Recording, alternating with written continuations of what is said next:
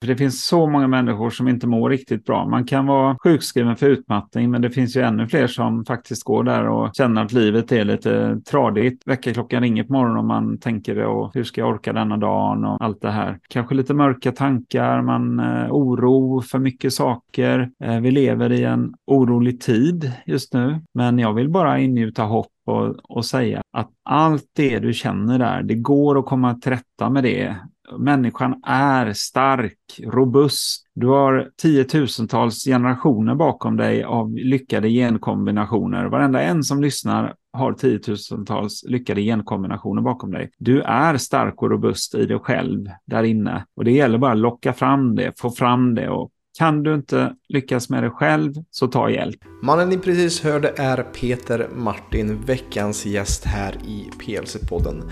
Peter är grundare av FunMed och håller på med funktionsmedicin och är en av de främsta i Sverige på att hjälpa människor på ett mer holistiskt sätt just genom funktionsmedicin.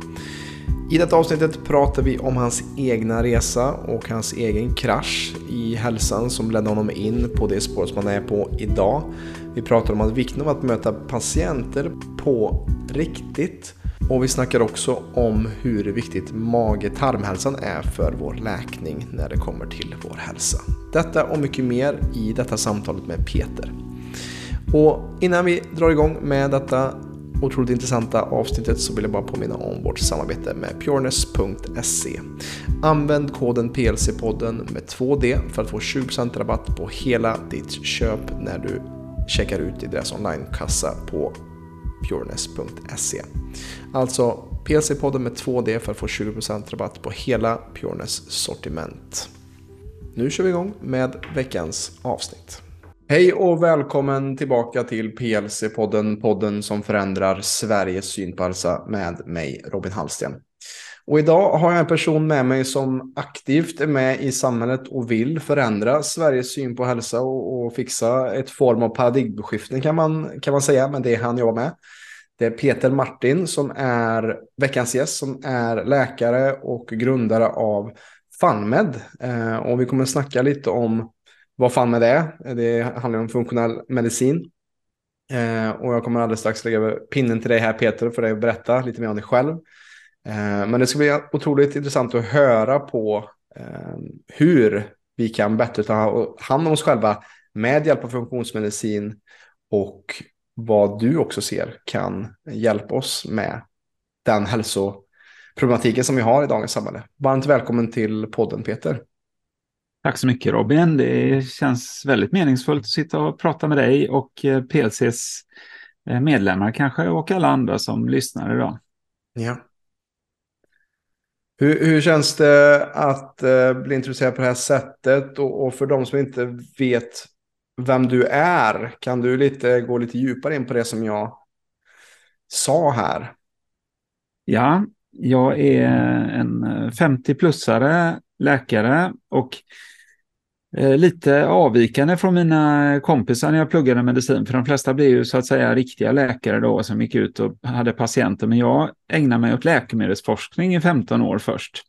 Så då träffade jag inte mycket patienter utan eh, var med och forskade inom läkemedel mot hjärnans sjukdomar då, med Arvid Carlssons eh, forskningsgrupp och var med och startade ett forskningsföretag som hette Carlsson Research som jag där satt i ledningsgruppen i åtta år.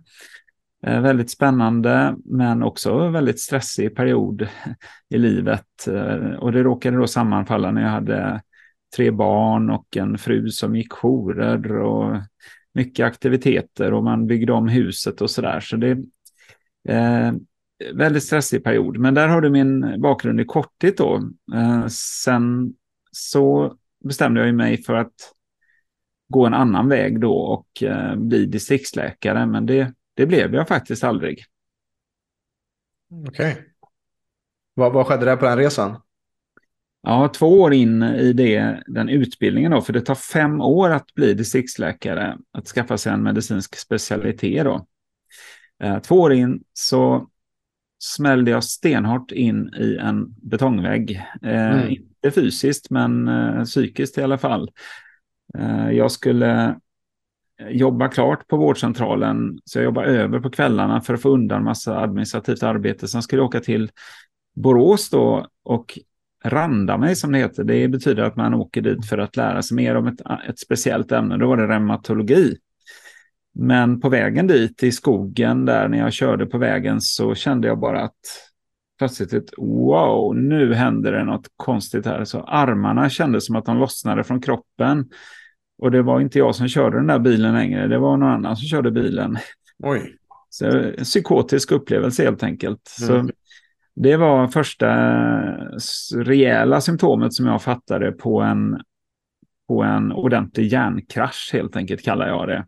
Mm. Och det var inte bara hjärnan, det var säkert flera system i kroppen som, som eh, kollapsade, liksom, som inte klarade av den där eh, pressen längre.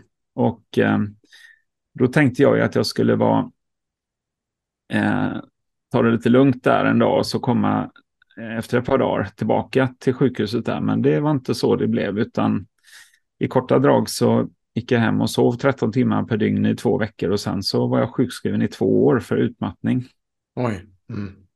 Ja. Så du kom aldrig riktigt tillbaka till, till den person som du var där och då? då?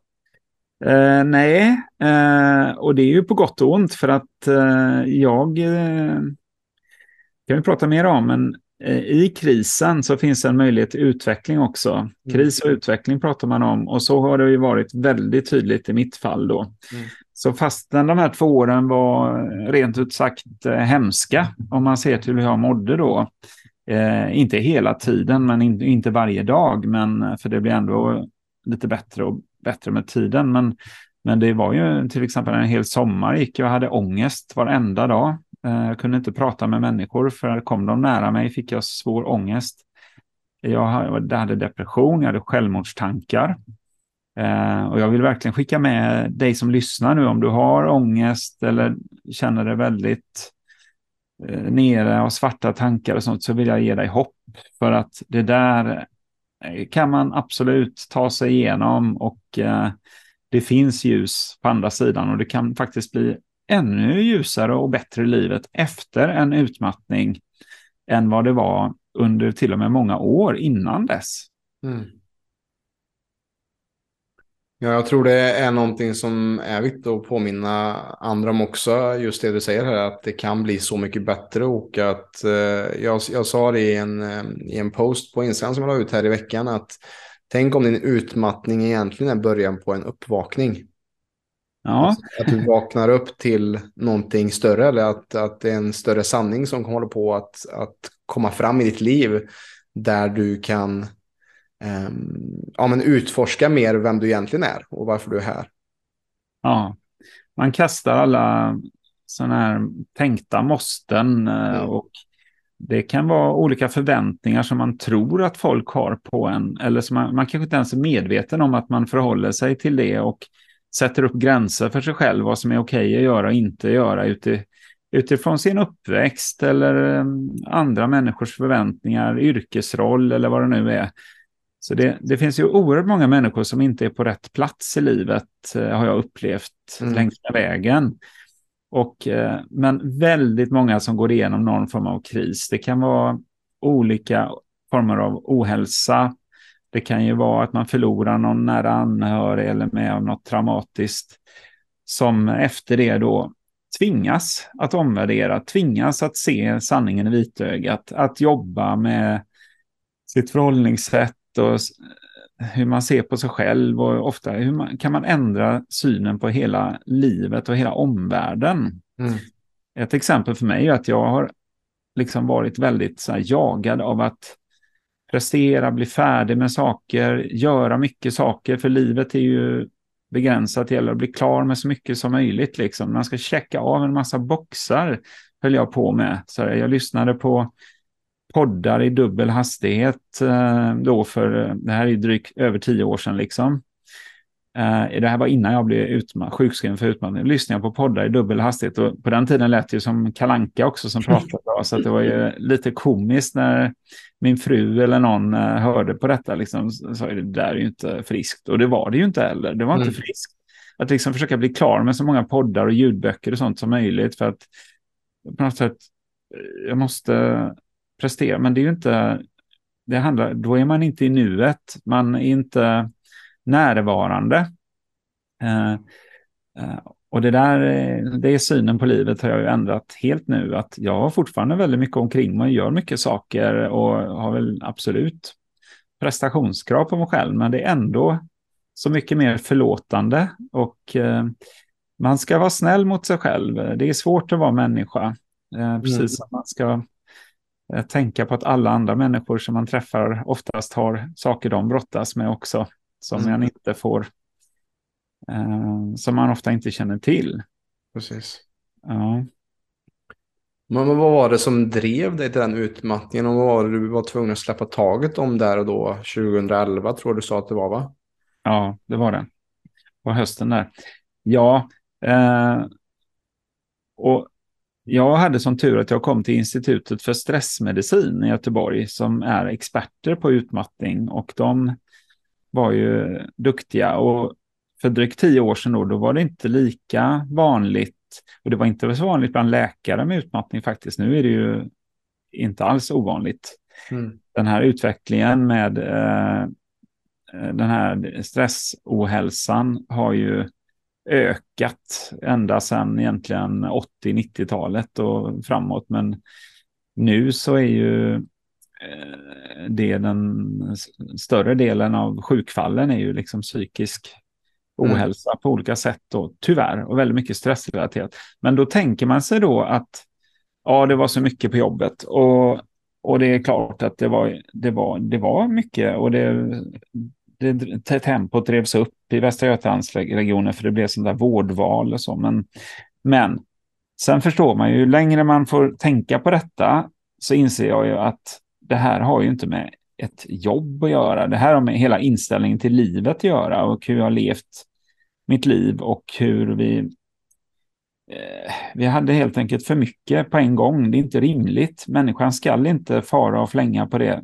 sättet och aldrig återhämta sig med eh, tre aktiviteter per barn i veckan eller ännu mer och tävlingar på helgerna och massor med jobb och sitta uppe på kvällar och nätter och med datorn.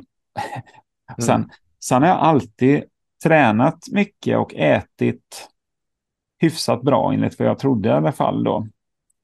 Uh, så det har väl hållit mig uppe, liksom att jag inte kraschat ännu tidigare. För att jag har alltid liksom tränat varannan dag, inte varit någon uh, soffsittare på det sättet. Uh, men sen, sen håller ju inte det ändå i längden.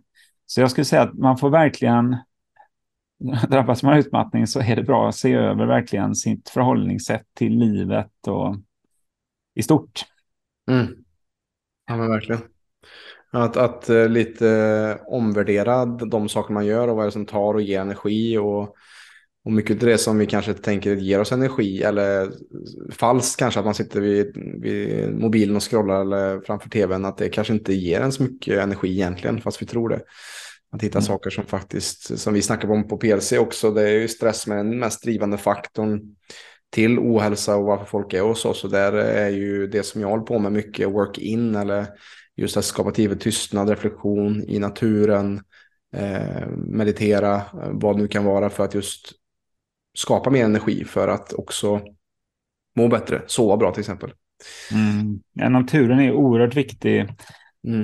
uh, i läkningen skulle jag säga. Att, att få den här, för, för det som man inte klarar av en sån utmattning, det är ju, du tål inte krav eh, och du tål inte eh, så mycket sinnesintryck egentligen.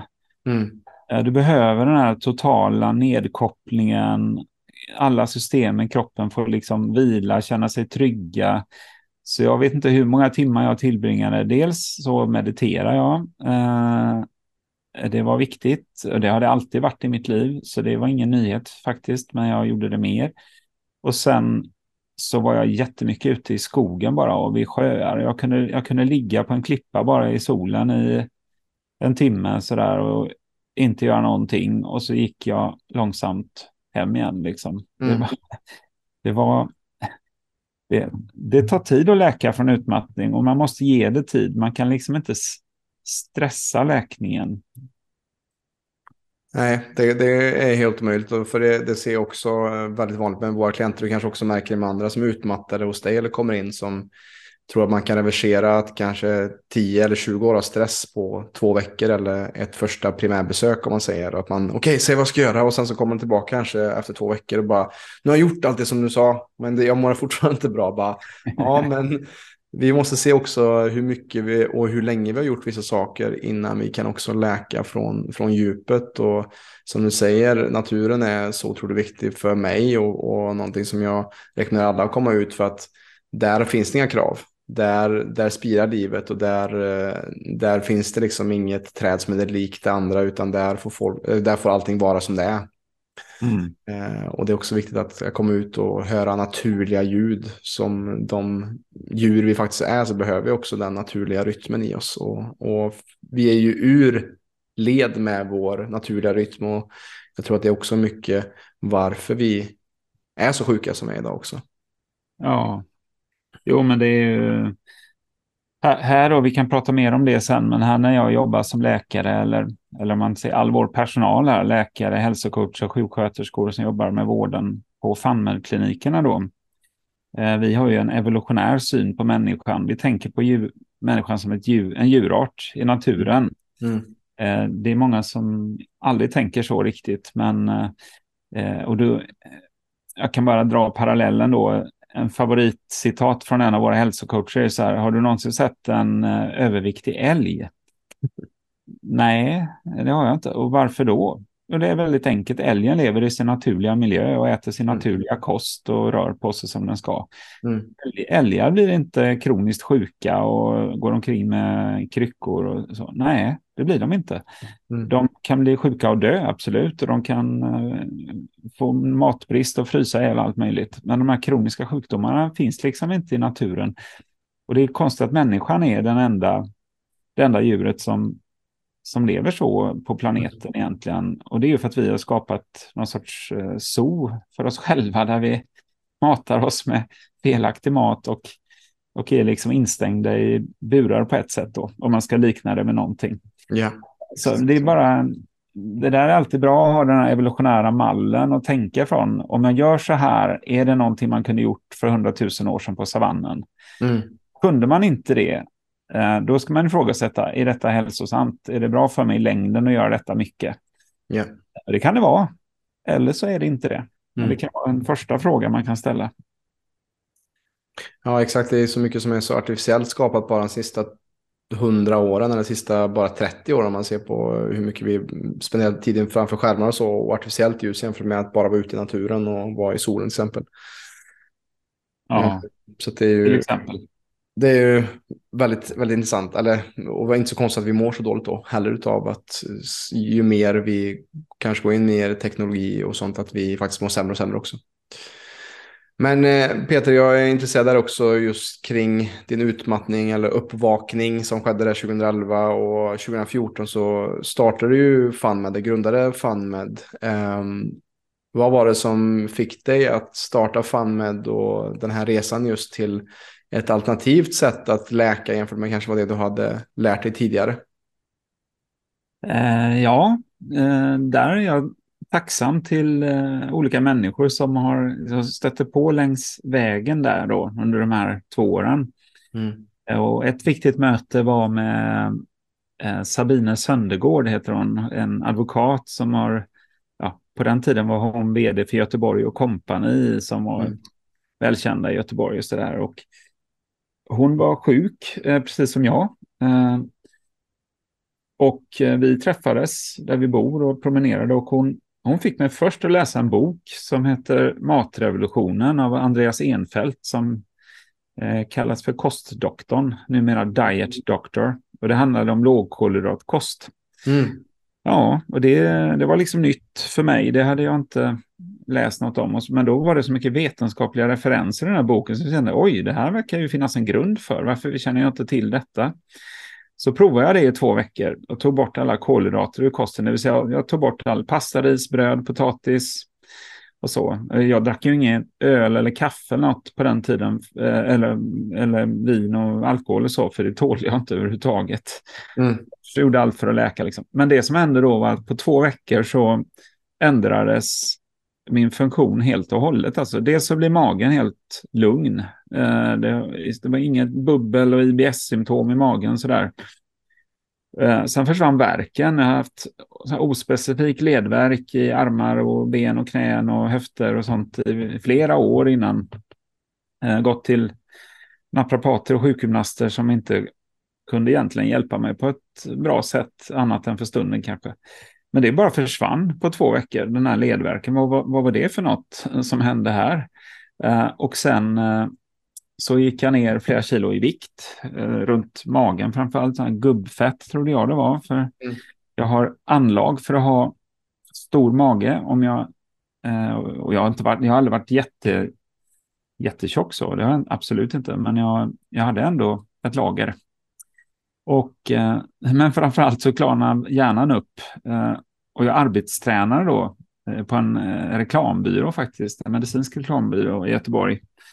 Och det vill jag också skicka med, alla som kan låta folk arbetsträna, gör det. Det har vi faktiskt låtit människor göra här på FunMed eh, tidigare. Så öppna upp för arbetsträning, det är jätteviktigt för utmattade människor.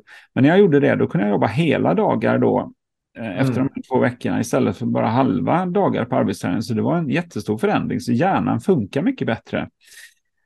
Och eh, det kan bero på flera saker, men eh, de här ketonerna som bildas då när man äter riktig lågkolhydratkost, det är en form av fett, fettämnen kan man säga, ketoner, som är ett alternativt bränsle för hjärnan och som lugnar hela nervsystemet i hjärnan. Det lugnar ju så mycket så att man till och med kan använda det vid epileptiska anfall, de som har mycket epilepsi, så kan det bota hälften av alla de som inte får någon bot av mediciner till och med, kan man bota med, ungefär så. Så det, det, det, har väldigt kraftfulla effekter på kroppen och det visste jag ju inte då. Men eh, sen den, de två veckorna så har jag inte gjort något annat i över tio år nu då. Jag har bara försökt förstå mer om vad var det som hände i den här svarta boxen när man åt, åt på ett annat sätt med lågkolhydratkost då. Mm. Och till en början tror man ju då att åh, så här borde alla göra eh, i hela världen i princip. Men sen inser man ju det som är all, alltid att vi är, väldigt olika och vi behöver alla behöver pröva lite olika saker för att förstå vad som passar just dem. Det är en av mina käpphästar. Man behöver pröva olika saker. Men sen, sen gäller det att hitta vad som passar just dig. Och i det spåret då kan man prata om funktionsmedicin eller functional medicine på engelska då. Functional medicine, funktionsmedicin. För det var också samma person, Sabine, eh, som eh, tipsade mig om att prata med en person om detta. Och då gjorde jag det. Jag tänkte att det här är ju alternativmedicin. Liksom. Men okej, okay, jag, jag pratar med dem och jag ska inte syssla med alternativmedicin. Men jag kände att det räckte att prata en timme med den personen bara så hmm, wow. Det här är ju, det här, här finns någonting. Liksom. Det här låter ju logiskt, fast det, när man är tränad så mycket som jag var då i att ställa en diagnos och ge rätt läkemedel mot den diagnosen. Migrän skulle ha migränläkemedel. Um, har du högt blodtryck ska du ha rätt blodtrycksläkemedel. Har du smärta så ska du ha värktabletter, rätt sort. Liksom. Ja, men är man tränare så tar det lång tid att ställa om sig hjärnan. Och det tog flera månader för mig att ställa om mig till att tänka funktionsmedicinskt. Mm. Och vad är den stora skillnaden, ska vi säga, med, med eh, just den konventionella vården som eh, vi har och eh, det som ni skapar med FunMed och, och skillnaden på funktionsmedicin. Vad skulle du säga är den största skillnaden där? Ehm, den allra största skillnaden är att i funktionsmedicin ställer man alltid frågan varför. Mm. Varför har Robin migrän? Du ska inte ha migrän om du nu skulle ha det. Mm. Uh, och så försöker vi ta reda på varför har du migrän? Någonting har ju någonstans gått fel. För på savannen hade man antagligen inte särskilt mycket migrän. För då skulle mm. man uh, vara ett lätt byte och inte bidra till uh, stammens överlevnad. Så någonting har gått fel. Det gäller bara att förstå vad. Och då tänker man kanske, det kan man väl inte göra, förstå varför man får migrän. Nej, inte om man inte försöker så kan man inte det. Men om man jobbar funktionsmedicinskt och kartlägger människor och lägger mycket tid på det, Och med kartläggning menar jag att vi, vi ställer ju 300 frågor till varje ny patient hos oss, varje ny medlem eh, på FunMed. Eh, och då handlar det om att eh, berätta om hela sin livshistoria faktiskt kortfattat. Eh, Eh, eh, vad hände mellan när du var nyfödd? Vad hände när du var tonåring? Vad hände mellan 20 och 30 år? Etc. Mm. Ur hälsosynvinkel. Sen så träffade man en läkare i 45 minuter eh, och pratar om viktiga saker. Man blir undersökt ordentligt och kan hitta saker. Vi tittar på hud och naglar. Det är också en skillnad när man tittar på näringsstatus som man kan lära sig funktionsmedicinskt. Och sen efter det så kartlägger vi ännu mer av labbtester då. Och då är det avföringsprov, blodprov, urinprov och eh, utandningsprov.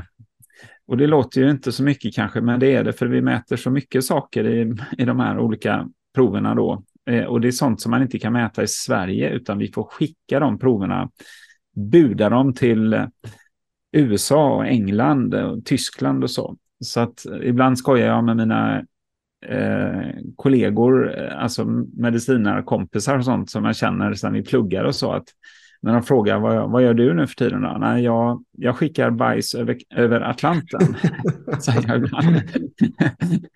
då blir de intresserade och skrattar lite. Men, nej, men det är för att där på, i USA finns det stora funktionsmedicinska labb som väljer, har valt ut viktiga markörer för hälsa. Så det handlar ju inte i funktionsmedicin om att vi letar efter sjukdomar i första hand vi kan hitta sjukdomar, det kan vi göra, men det viktigaste för oss är att leta efter avvikande markörer när det gäller hälsa. Och det kan till exempel vara näringsbrister. Och på en vårdcentral kanske man vanligen mäter kanske tre näringsämnen. Det kan vara B12 och folsyra och järn och kanske något mer. Men vi mäter ju över 40 näringsämnen. Liksom. Det är mm. jättestort fokus på det. Och folk har ju näringsbrister och, och har inte optimal näring i kroppen av olika anledningar. Ja. Ja, så det, du frågar vad är det som skiljer mest och det är just att vi ställer frågan varför. Men det är väldigt mycket mer som skiljer så vi skulle kunna fortsätta prata om det. Ja men absolut, men vad jag hörde stora över, överdragande är ju eh, som jag ser kanske den vanliga vården är mer binär.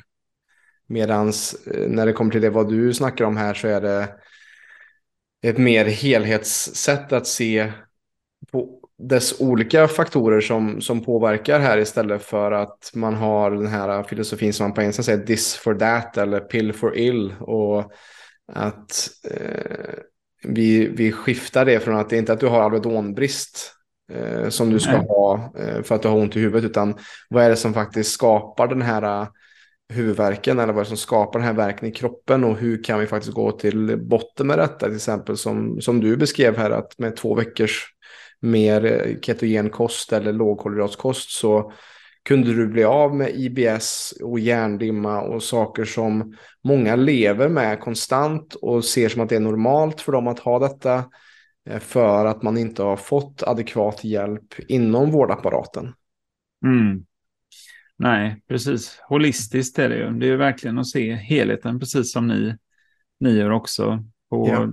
PLC. Och det, det, alltså jag upplever ju att det har skett en stor, stark utveckling i samhället också, vad människor förväntar sig. Inte alla och överallt, så, men, men det konventionella sjukvårdssystemet, eh, tyvärr håller det ju på att braka samman som jag, som jag upplever det att, och det baserar sig på sådana fakta som att eh, 20 procent av alla läkare funderar på att byta yrke mm. i Sverige idag. Inte, och yngre läkare ännu mer. Det kan vara var tredje, var fjärde som funderar på att byta yrke. Och det, det är ju katastrofalt. Liksom. Och det kan ju ha med dålig arbetsmiljö att göra eller arbetsgivarna. Eh, men jag tror att en stor del också är att systemet matchar ju inte behovet. Nej. 80 procent av sjukvårdsbudgeten eh, i Sverige går till kroniska sjukdomar. Och där vet man ju, det säger Världshälsoorganisationen, vi vet vad som orsakar de flesta kroniska sjukdomarna. Eller, eller de flesta orsakerna vet vi liksom att det är kost, det är vår livsstil, det är olika eh, ja, hur vi rör oss, det är, det är rökning etc. Och hade vi lagt mer pengar på det så hade vi kunnat liksom se till att folk inte blir sjuka. I alla fall inte i den omfattning som det är nu. För halva svenska befolkningen har ju en kronisk sjukdomsdiagnos idag.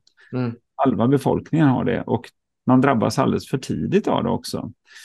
Och det går ner i åldern också hos barn och ungdomar. Eh, stor andel av barn idag har ju en kronisk eh, diagnos, tyvärr.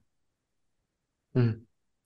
Ja, där, där, sker, ja, där måste ju ske en form av evolution eller revolution kring att just jobba mer preventativt och som du säger, om inte eh, det ändamålet som vården har håller, liksom upprätthåller det och möter de behoven som vi behöver i samhället så är det klart att då är det lätt att det blir en ifrågasättning också från de som går genom det systemet tänker jag också. Eh, för det är det också du som är läkare i grunden, vad, hur mycket av det som du lär ut idag fick du lära dig på just när du pluggade till läkare? Vad var, vad var huvudsakliga syftet med dina studier som läkare där när du, när du var yngre?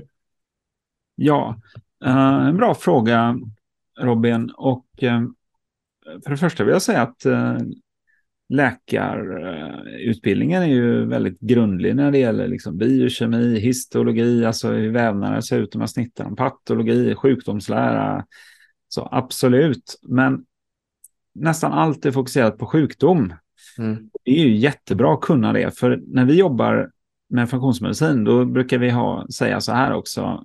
First do good medicine, then do functional medicine. Vi kan ju inte liksom säga, åh, du har eh, järnbrist och eh, brist på vitamin B6. Då ska vi åtgärda det och så missar vi att patienten hade eh, blödningar från magtarmkanalen och hade cancer. Liksom. Nej, det ska vi inte missa helst. Eh, och eh, då, så därför så de som jobbar här är ju, de är ju vanliga läkare. De har jobbat på vårdcentraler och på sjukhus och så. Och sen så lär man sig funktionsmedicin och det, då är det en stor skillnad. Att då lär man sig det man, eh, stora delar som man faktiskt inte lär sig i konventionell läkarutbildning. Och som tar rätt lång tid då, så att vi har en onlineutbildning som går över sex månader, något sånt, i alla fall flera månader. Eh, med videokurser då, som man, alla som lyssnar som är läkare eller legitimerad vårdpersonal på något sätt kan gå den utbildningen via FunMed Academy. Och alla våra läkare har förstås gått den utbildningen och andra utbildningar också. Och eh, där får man då lära sig till exempel mycket om eh, kost och näringslära. För näringslära, det läser en läkare 12 timmar i snitt på läkarutbildningen som är fem och ett halvt år. Mm. Så man kan oerhört lite om kost eh, om man inte har vidareutbildat sig själv då och haft ett intresse för det. Eh, ofta så, så tror jag läkare förstår inte hur lite de kan om kost. Eh, och det, det förstod inte jag för eh, drygt tio år sedan. Då. Det var ett helt nytt fält som öppnade sig. Eh, och dessutom så tänker man kanske bara så här, när man, ju mindre man kan kanske man blir mer benägen att tänka att ja, men det är bara att följa Livsmedelsverkets råd. Mm. Men ju mer man kan kan man säga att Livsmedelsverkets råd är ju inte individualiserade. Tack. Och jag brukar visa att av typ tio råd så är det kanske två som jag tycker gäller alla människor och åtta kan jag problematisera och säga ja, Anna kanske ska äta på det här sättet som de postar i det här rådet, men inte Pelle och inte Göran. Mm. av olika anledningar då. Det finns olika råd kring kost, så det är det, det, är det, det, är det mest underutnyttjade verktyget. Eh, det är kosten och det är oerhört låg kunskap om kost i samhället idag. Mm. Eh, skulle jag säga och jag kan prata i många timmar om det. Vilket jag gör ibland också. Men det ska vi inte göra idag Robin. Hej allihopa! Jonas här. Då jag vet att många i samhället upplever utmaningar kring sin hälsa men inte riktigt fått hjälpen de behöver så har jag lagt upp ett kostnadsfritt webbinar för dig som inte är medlem. I detta webbinar kommer jag prata om vanliga grundorsaker bakom konstant trötthet, låg energi, sömnsvårigheter, magbesvär och värk. Och du kommer även få mer info om hur vi på PLC jobbar för att åtgärda detta. Du hittar mer info om webbinariet i beskrivningen till detta avsnittet. Men med det sagt så tackar jag för mig. Tillbaka till dig Robin. Nej, men det är, det är som du säger, att, att se just den individuella, individuella mag och tarmhälsan eh, och se, jag tänker ju på det som jag har lärt mig, just den, the metabolic types, alltså de, de metaboliska typerna. Att vi har eh, folk som vi som är mer av nordisk härkomst har oftast mer en predisposition för att ha mer fett och protein i vår kost för att vi inte haft det tillgängligt så mycket här uppe på den här eh, breddgraderna. Mm. Och sen så har du folk som är mer närmare ekvatorn som är mer ekvatoriala som behöver kanske som har mer naturligt förekommande kolhydrater och frukter och är mer en kolhydrattyp. Och sen så har vi en mixtyp också nu när de senaste generationerna vi har aldrig som som aldrig förr mixat så olika många raser och, och, blandningar eller folktyper kanske man ska säga bättre ord än ras. Men, ja. eh, och, och, som jag tycker är så intressant att säga 12 timmar näringslära när som Hippokrates sa för tusentals år sedan att let food be thy medicine and your medicine be thy food. Alltså för mig är det så otroligt eh, intressant att höra att 12 timmar på någonting som eh, är för mig så självklart att det du äter som bränsle stoppar i dig, det är såklart att det blir byggstenarna av din kropp och ditt immunförsvar och nervsystem och allting. Och precis som du berättade om, om din resa med IBS och, och kanske till och med att du hade läckande tarm eller SIBO vad vet jag, när du var sjukskriven eller när du blev sjukskriven och det kan ha varit en av de mest drivande faktorerna till varför du blev så sjuk. Mm. Eh, för det ser vi också att till exempel med den livsmedelsindustrin som vi har idag, den drivs inte på att hålla folk friska utan den bygger på profit. Och mycket av den maten som vi har i Eh, en vanlig livsmedelsbutik är ju tyvärr processad och ett skämt för den kroppen att ta upp. Liksom. Att det är väldigt mycket hittepå som inte har funnits de sista som inte funnits under vår evolution ens. Nej, precis. Vi kan ju eh, ta ett varv kring maten. Bara, men, nej, men, och det är varvet, om man tänker ett varv och mat, då kan man tänka på varvet i livsmedelsbutiken då. Att man går yttervarvet eh, mm. kan vara en bra regel. Går man in i butiken i mitten så brukar det vara mer processad mat där, förpackad mat. Eh, där står flingorna och eh, mycket annat processat. Medan i yttervarvet så hittar du liksom färska grönsaker, frukt, kött, fisk, ägg, mejerier. Så ja.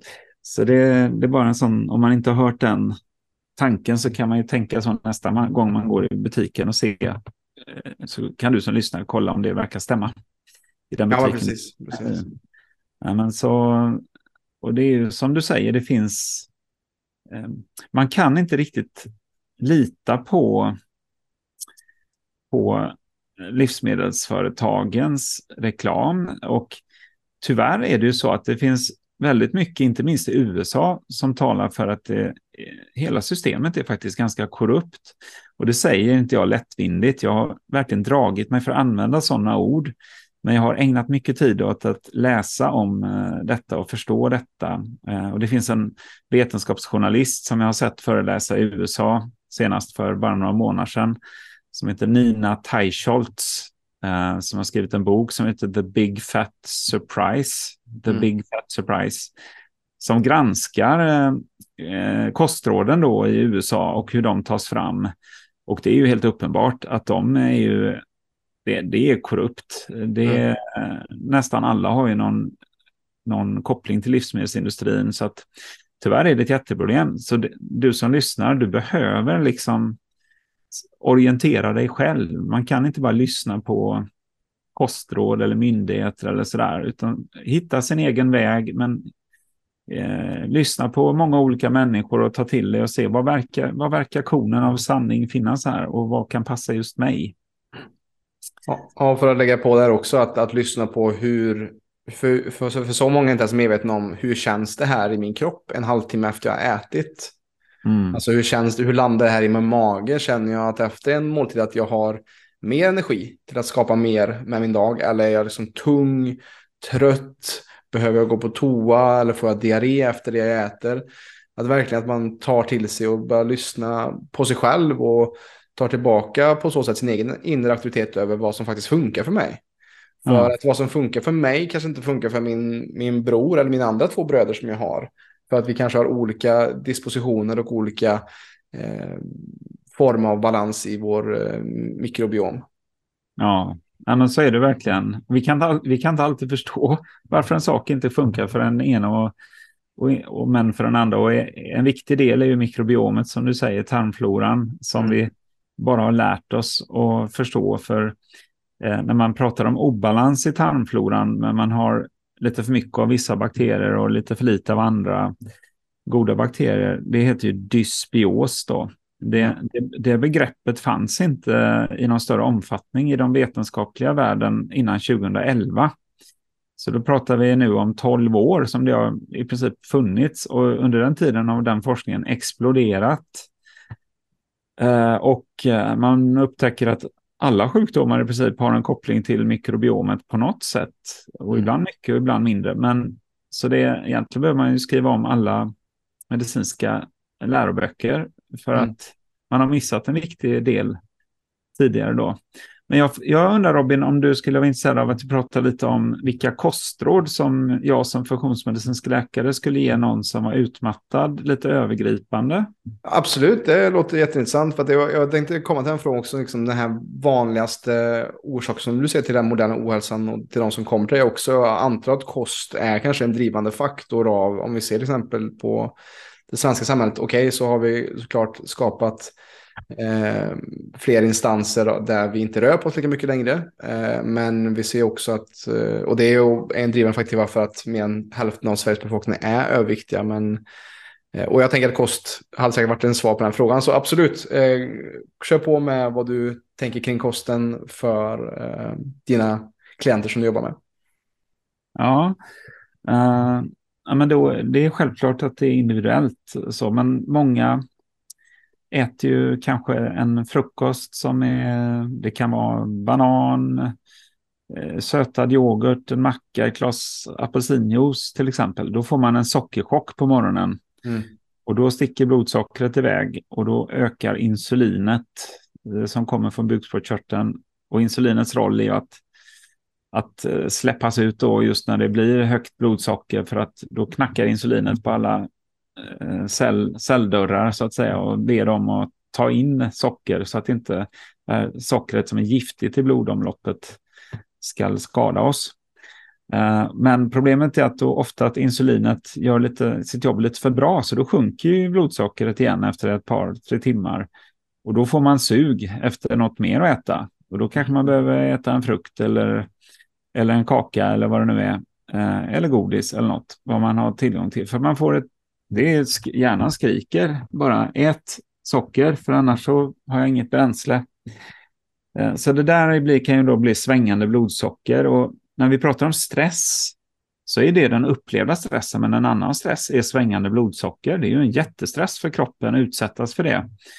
För det var antagligen ingenting som vi hade på savannen. Det gick inte omkring och åt eh, väldigt mycket sockerinnehållande med, saker. Alltså, det är klart vi åt frukt när den var mogen emellanåt. Vi åt honung när vi hittade det, men inte på det sättet vi gör idag.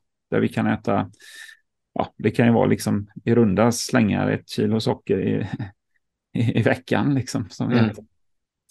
Ja, men så hur kan man då undvika det? Ja, om man vill minska stressen, se till att man får ordentligt med näring och eh, eh, kan få ett lugn i kroppen och, och lättare läka från utmattning, då kan man ju man kan börja med att tänka om man vill.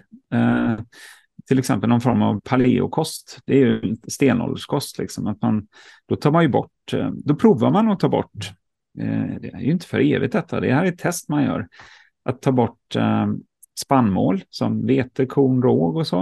Eh, för det kan vara irriterande för mag-tarmkanalen till exempel och innehåller mycket kolhydrater. Och man, man tar, ibland tar man bort mejeriprodukter för det var inget man åt på stenåldern heller innan man kunde mjölka kossor och så.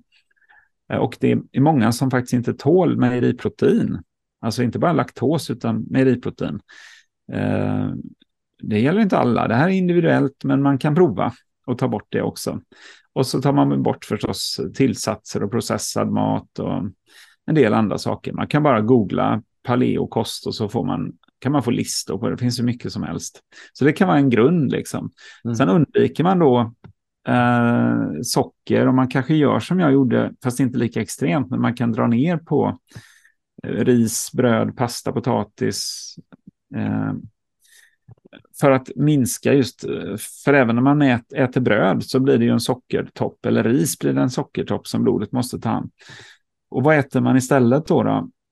Jo, då äter man minst 30 gram protein, gärna 45 gram protein på morgonen. Och då pratar vi om att man äter motsvarande en kycklingfilé. Och det kan vara kött, fisk, ägg eller något, men, men då pratar vi om sex ägg om man ska äta det i form av ägg. Liksom.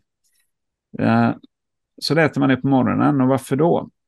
Jo, då blir man ju dels eh, mätt, för protein är det som mättar mest.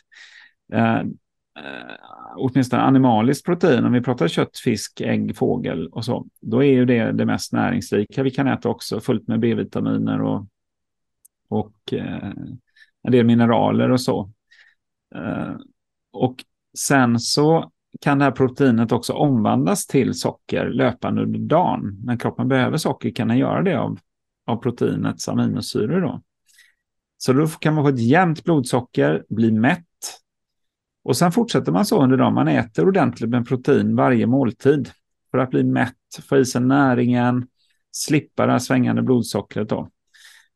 Och äter man, vill man äta mer kolhydrater, då gör man det kanske än mera på kvällen. Eh, det är i alla fall för de flesta funkar det bäst, liksom, men det, det, får man prova sig fram till. Och sen kan man på morgonen ta en halv tesked eh, eh, salt.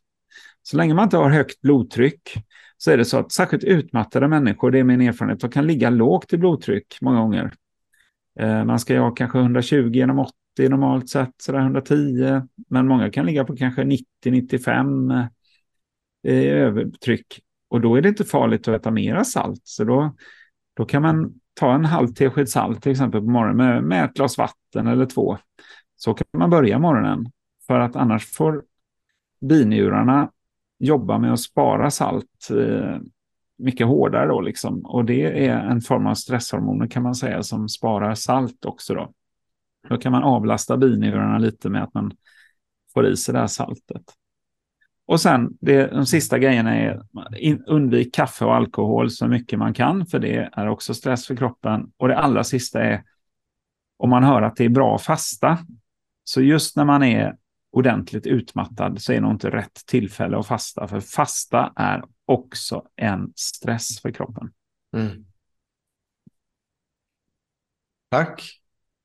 Det där var bra kostråd tycker jag. Det är faktiskt ganska i linje med vad vi säger och, och tipsar våra klienter om också. Just det med, särskilt det här med det sista också med att fasta. Att fasta kan vara bra, det är någonting som jag själv brukar göra. Att jag fastar kanske 13 16 timmar per dag när jag väl gör det.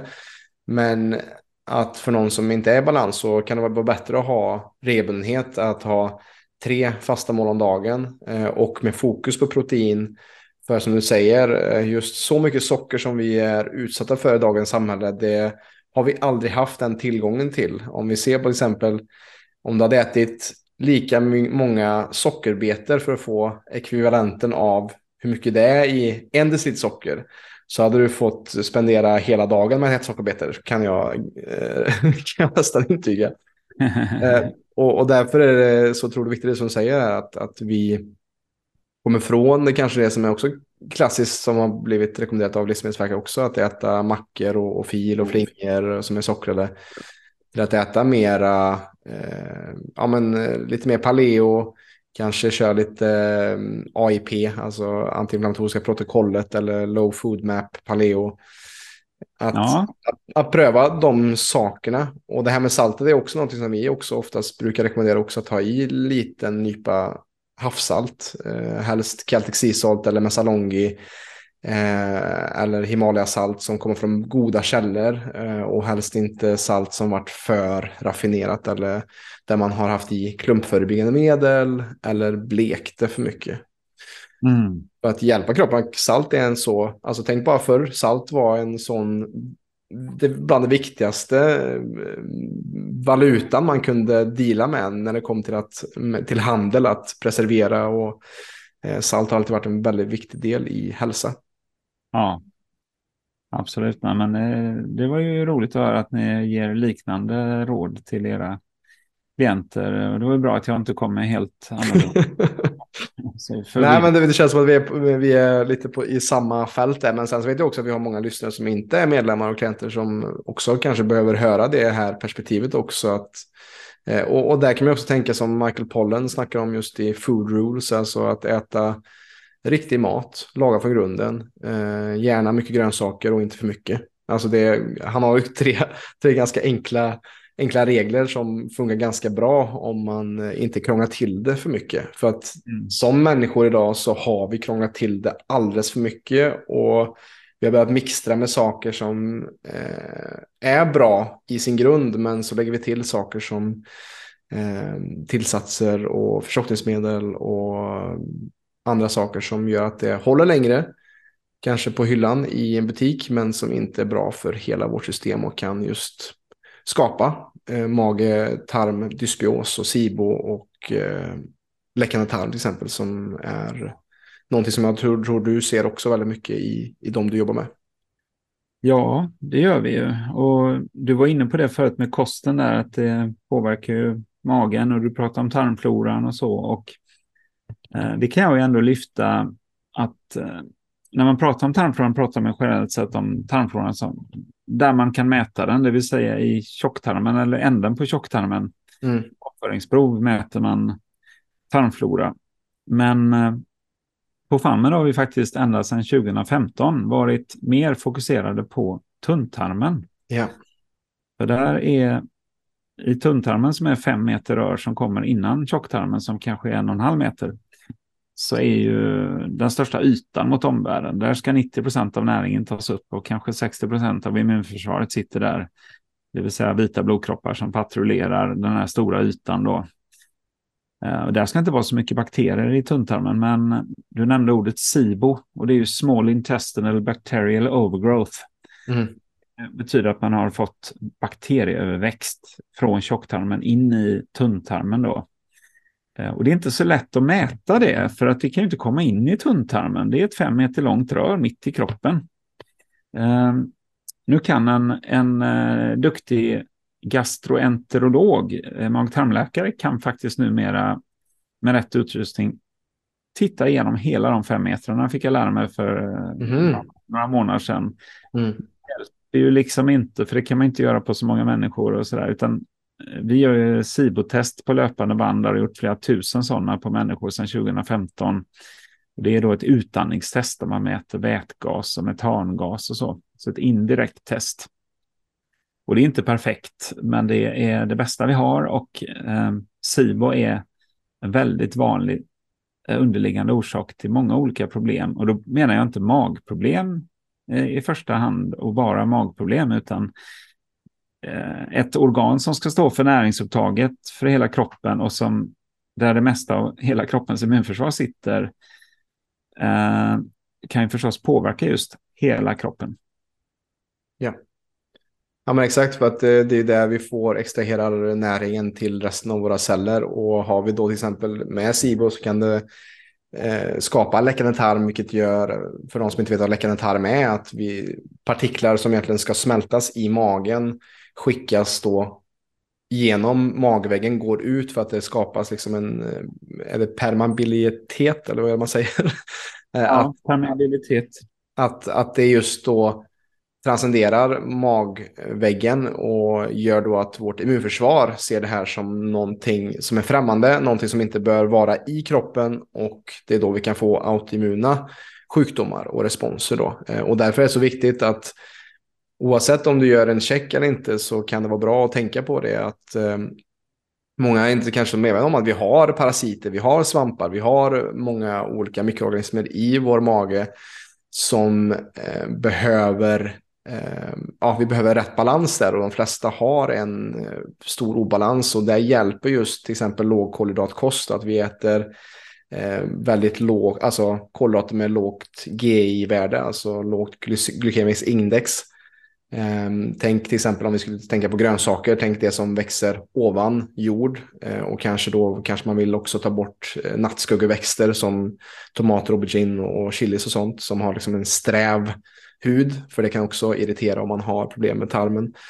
Ehm, men om man gör som du gjorde där i två veckor, att man, man märker stor skillnad genom att ta bort just bröd, pasta, ris som har mer högre GI, som har, blir snabbare till socker i kroppen, så kan vi också hjälpa vår kropp att få en bättre just eh, tunntarmsmiljö.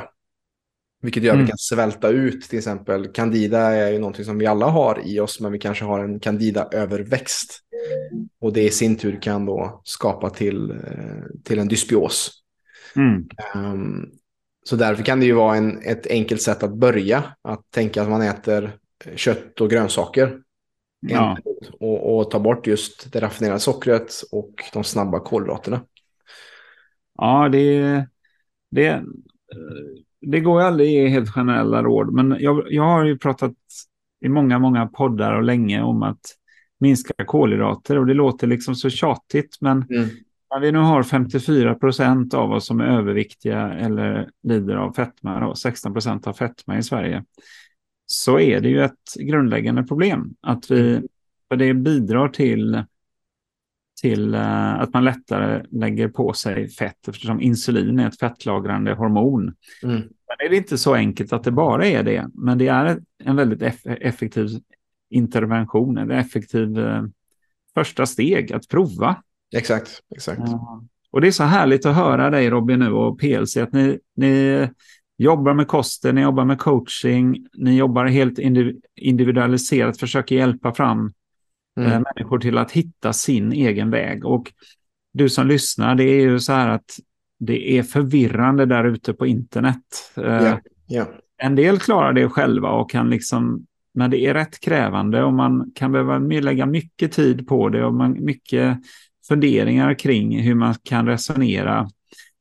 Eh, så, eh, och är man dessutom inte helt eh, fit for fight och är trött och utmattad så är det ju jättebra att få stöd och hjälp. Mm. Och det kan man både få hos er på PLC men också på FunMed där vi har vårt medlemskap. Och har man många problem eller är liksom sjuk och har läkemedel och sånt där, då är det ju inte fel att ha en läkare med sig förstås. Nej, men precis. Ja, men berätta gärna Peter om just hur ert upplägg ser ut. Vi har ju vårt sätt med, med coachingen och medlemskap där vi har livesändningar och meditationer och sånt där man kan ta del av. Men hur, hur ser det ut för er och det ni jobbar med och vad får man för stöd i, ja, i ert medlemskap eller om man är klient hos er? Jo, eh, då fyller man i formulär med 300 frågor som handlar om eh, eh, alltifrån stress, livshistoria, eh, symptom, hur man äter, hur man sover etc. Och så träffar man läkaren i 45 minuter då och blir undersökt och sen är det de här alla labbtesterna som vi pratade om. Eh, och så man får en kartläggning och baserat på det gör läkaren en behandlingsplan. Och mm. den behandlingsplanen eh, det kan ju innefatta läkemedel när det behövs, men det vanliga är ju att vi börjar jobba med kost, eh, stress och återhämtning med en plan för det. Eh, hur ska man röra sig? Tränar man för mycket? Rör man sig för lite? Många som är 40-50 plus, de behöver ju egentligen styrketräna och bygga muskler, för annars så blir det ingen bra ålderdom utan muskler. Då ramlar man och bryter sig och eh, det kan leda till en för tidig död helt enkelt. Mm.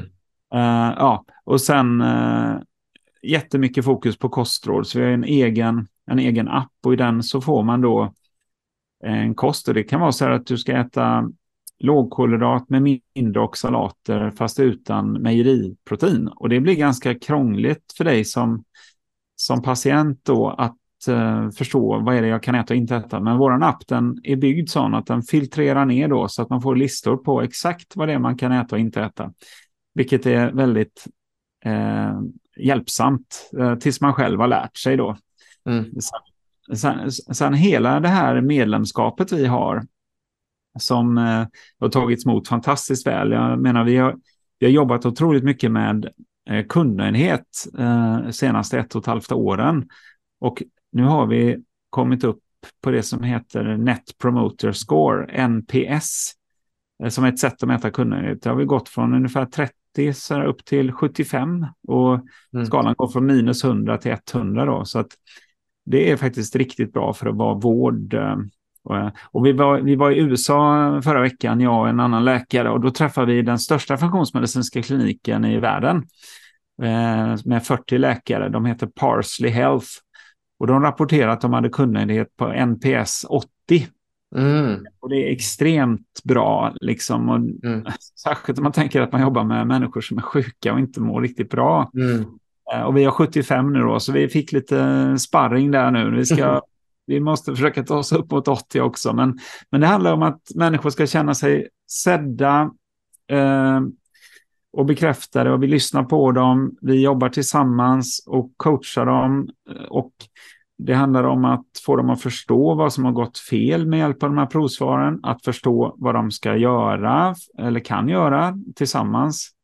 Eh, med oss bestämmer man ju det och sen att få dem att också göra det. För det är ju så att om man inte genomför eh, någon förändring och lyckas hålla i den också så kommer man väldigt ofta ramla tillbaka i någonting gammalt eller man ger upp för tidigt till exempel för det är lite motigt att ändra vanor och så. Så därför är den här coaching jätteviktig. Så vi har en meddelandefunktion i vår app då som man kan, man kan få svar på Uh, egentligen kan man ställa frågor varje dag om man vill till sin hälsocoach, då, sin mm. funktionsmedicinska coach. Och sen har coachen alltid kontakt med läkaren och sköterskan och så när det behövs. Så det där fungerar väldigt bra. Och sen tar vi omtester och vi kan mäta om sen och se om du hade hög inflammation i kroppen eller hade SIBO, överväxta bakterier, så mäter vi om det för att se att det har gått bort samtidigt som vi också följer upp symptomen då och ser att de blir bättre. Så det är fantastiskt roligt att jobba på det här sättet för eh, jag brukar säga så här att eh, när jag jobbar som läkare inom funktionsmedicin så ser jag ett, ett litet mirakel varje dag, ett stort mirakel varje vecka. Mm. Eh, för att det kan ju folk som har haft 37 eh, symptom när de sökte här. Eftersom vi ställer de här 300 frågorna får vi reda på det. Ja, de kan ha 37 symptom. Det kan vara utmattning och tinnitus och eh, värk i knät och magbesvär och eksem och psoriasis och klåda och nysningar och harklingar och etc. etc. etc. Mm. Pollenallergi, astma, sådana vanliga grejer som folk går omkring med. Men det ska man inte ha. Och så kan man bara se efter fem, sex månader kanske det är fem symptom kvar av de 37. Uh, för det är så det funkar när man ger kroppen förutsättningar att läka. Precis som har du skurit dig i armen så blir det ett sår. Och bara inte du pillar i det såret eller häller ner jord i såret eller gör något annat dumt så läker ju kroppen det. Mm. Uh, eller om du har zinkbrist till exempel. Uh, om du är vegan och har zinkbrist, vilket är lätt att ha om man inte tar tillskott då. Då läker inte såret lika bra heller, liksom, som exempel. Men, uh, men så funkar det ju inne i kroppen också. Om du ger den förutsättningar att läka. Den har den näringsämnena behöver, den är inte inflammerad och ständigt behöver försvara sig mot attacker ifrån mat du har ätit in i mag-tarmkanalen eller, eller kvicksilver eller andra gifter i miljön eh, eller för mycket stress och stresshormoner. Ja, men då vet den hur den ska läka. Och ibland är det så att den har fastnat i en låst position, så att det hjälper inte bara att liksom slappna av och äta rätt och så. Då kan man behöva funktionsmedicin och liksom se till att man eh, ibland till och med använder antibiotika eh, riktat då för att trycka ner eh, bakterier som har växt över i tarmfloran till exempel, eller svampdödande medel för att döda dem. Men det, då ska man helst jobba riktat och baserat på mätvärden i de fallen. Då. Just det. Ja, och istället för att man angriper det från att du har 37 symptom, nu ska vi trycka in 37 olika läkemedel här, utan se att vad händer om vi faktiskt skiftar i kosten? Vad händer om vi får till bättre eh, sovvanor? Vad händer om vi börjar andas mer medvetet med vår näsa och ner i magen? och får till en, en bättre hjälp så att vårt nervsystem kan komma mer i balans oftare.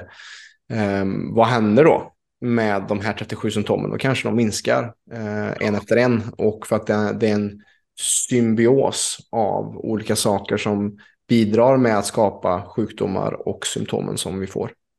Ja, men exakt så. Det är fantastiskt vad bara livsstilsförändringar kan göra. Det är fullkomligt underskattat vad det kan göra i många fall. Sen kan det ta lite tid då, men att få tänka på det. Jag sa att man skulle vara snäll mot sig själv, men man ska också tänka så här att varje beslut jag tar varje dag, det går ju åt ena eller andra hållet. Antingen så tar det uppåt eller neråt, eller så var det inte så viktigt. Men många gånger tar det uppåt eller neråt på någon skala. Liksom. Inte så långt kanske, men lite grann. Yes. Man, eh, man kan prova att ändra sina vanor genom att eh, ta lite annorlunda beslut. Eh, ett exempel kan vara att du går ut och äter lunch. Ja, så får du bröd och potatis och ris och allting, men du har 10 kilo övervikt. Då kan du ta beslutet att när jag dricker inte den här ölen, jag tar inte brödet, jag ber att byta ut potatisen mot grönsaker eller eller sallad och kanske ta lite mer olivolja istället. Så Små beslut varje dag. Det har jag hört många historier om. Över månader så kan man tappa de där 10 kilona i vikt till exempel. Då. Mm, mm. Ja. Precis. Det, det, och det är som du säger att, att hälsa eller som jag brukar också säga, att hälsa är inget man uppnår, utan det är ett, ett konstant och bibehållet jobb som genererar hälsa. Det är inte så att, åh, nu har jag jobbat med min hälsa tillräckligt, nu har jag uppnått det, utan det är ett ständigt underhåll som behövs göras för att vi ska fortsätta kunna må bra ju äldre vi blir också. Ja, det är därför medlemskap är så relevant här. Mm. Vi får ofta höra, ja men hur många blir helt friska då i behandling? Ja, mm. då är det så här att eftersom det inte är att man stoppar ett piller i munnen och så blir du frisk. Som till exempel om du har eh, halsfluss kan du ta antibiotika, då blir du frisk. Man tänker mm. liksom digitalt, sjuk, frisk. Här är det inte digitalt, det är ett kontinuum liksom från noll till eh, hundra i friskhet eller sjukdom. Liksom. Men ingen är ju helt frisk eh, och är man på noll är man död. Liksom. Men när man är någonstans på den skalan och på väg mot något av hållen också. Eh, och det gör ju också att det där är jätteviktigt att förstå när man börjar jobba med funktionsmedicin och som ni gör också, att när man är, mår riktigt dåligt då har man stark motivation att göra ja. förändring. Och då gör man mycket förändringar, men ju bättre man mår, eh, desto mindre motivation har man att faktiskt avstå från saker eller avvika socialt ifrån gruppen och då kanske man börjar äta tårta igen och man eh, börjar eh, titta mer på tv istället för att ta promenaden på kvällen. Och man, mm. man mår fortfarande inte så illa liksom. Så att det där är liksom att eh, jag har sett så många som har blivit, de har gått från en trea på en tiogradig skala till en sexa. De mår mycket bättre. Och jag tänker att de ska upp till 8, 9, 10. Men nej, då försvinner de här, har de försvunnit härifrån då. Det här var innan vi hade medlemskap. Har försvunnit liksom i ett halvår, ett år och sen kommer de tillbaka. Nej, nu mår jag så dåligt igen. Nu, mm. Och då tar de nya slag. Då är de nere på fyra igen då. Så kan de ta sig upp till sju, åtta. Och sen förhoppningsvis så kan de hålla sig där uppe då för de har lärt sig läxan då. Men den, den, den dynamiken är väldigt intressant. Det är bara rent mänskligt hur vi fungerar då. Så det är inte digitalt hur många blir friska. Det är som du säger, det är ett uh, work in progress att uh, ha hälsa. Verkligen, verkligen. Och det, det är ju som ehm, en av mina avslutande frågor brukar alltid vara här i podden. Det är ju hur eh, kan vi förändra och skifta synen på hälsa och vår syn på eller hur vi kan skifta just sjukvården i Sverige. Och där har vi redan varit inne på det under hela samtalet, tänker jag, Peter. Eh, och det arbete ni gör också med medlemskap också. Men vad, vad ser du är den viktigaste faktorn för att just skifta just paradigmen. Jag såg på den eh, väldigt bra föreläsningen som du la ut 2019. Eh, funktionsmedicin, kvacksalveri eller paradigmskifte.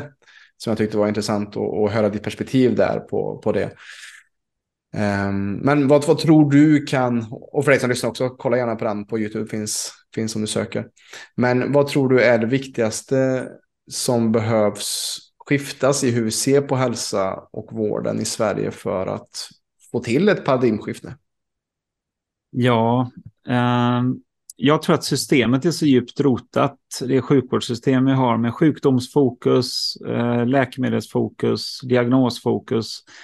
Så att förändra det liksom inifrån och uppifrån, det är enormt svårt. Eh, det skulle krävas väldigt mycket utbildning av Eh, läkare. Och eftersom, eh, för det är, i ett paradigmskifte sker ju aldrig lätt. Liksom. Det är aldrig lätt att förstå ett nytt paradigm och bara, eh, det ligger liksom i sakens natur. Det, det blir alltid friktion, det känner alltid folk som känner sig hotade när man ska förändra någonting. Eh, som kanske har en bra lön, de har sin kunskap och plötsligt så ska man jobba på ett nytt sätt. Liksom. Det, jag förstår det, att det är väldigt svårt. Så därför så tror jag det största, den största drivkraften kommer underifrån. Det är människor som, eh, som du och som jag och alla ni som lyssnar på PLC och tycker att man ska tänka på ett annorlunda sätt det är alla ni, alla vi som gör jobbet tillsammans och förändrar samhället. Och eh, man brukar, det finns en sån här eh, citat att eh, eh, underskatta liksom inte kraften av att en liten, liten grupp av eh, committed people kan förändra världen. Det är liksom det enda sättet som världen förändras på. Och den gruppen växer ju nu hela tiden. Så det här handlar om att du som lyssnar och pratar om detta och eh, faktiskt inte och ifrågasätter också i kontakt med vården, i kontakt med politiker, eh, kompisar, kollegor. Ställ några enkla frågor. Eh, Eh, jobba sokratiskt. Fråga, ställ frågor kring saker och ting. Eh, eh så blir det ganska tydligt då. En, en fråga kan ju vara till exempel om 80 procent av vår sjukvårdsbudget går till kroniska sjukdomar och vi bara lägger 3% av budgeten på prevention, förebyggande arbete. Är inte det ett problem? Mm. Uh, ja, då kan man ju resonera kring det då. Nu pratar man ju mycket om prevention i, även inne i sjukvården. Jag, har, jag var i Almedalen förra året och pratade med politiker och beslutsfattare och så. Och då, då började man prata om prevention där på ett sätt som jag aldrig har hört förut i, i vården. Men problemet är att fortfarande systemet och kunskapen kring prevention och hur man bygger upp hälsa och med kost och så. Eh, det är ju inte det som man utbildar sig för när man ska jobba i vårdapparaten. Så att det finns en monumental, eh, ett monumentalt behov av utbildning här då. Eh, men framförallt krävs det en jättestor ödmjukhet av alla också. Att vi, att vi faktiskt inser försöker se saken som den verkligen är och inte bara bevaka våra positioner. Eh, och vi som jobbar med funktionsmedicin, vi, vi menar ju inte att vi har, har alla svaren eller har förstått allting, eh, utan vi är på en resa också att lära oss mer. Vilka labbtester är värdefulla att ta? Vilka råd funkar bäst för vem? Och så, så att eh, det, det, här är inte, det, vi sitter inte på en fullständig sanning, men vi har ett operativsystem, ett sätt att tänka som ändå försöker gå till roten med det onda. Och mm. Eh, eh, det är mer hållbart i längden. Ja, och med det så vill jag också bara lägga till, ifrågasätt även oss. Varmt välkommet, ifrågasätt det vi säger, ifrågasätt allt det som vi på PC säger och kolla upp, gör en egen, eh, egen undersökning. Vi, som du säger, vi har inte alla svaren.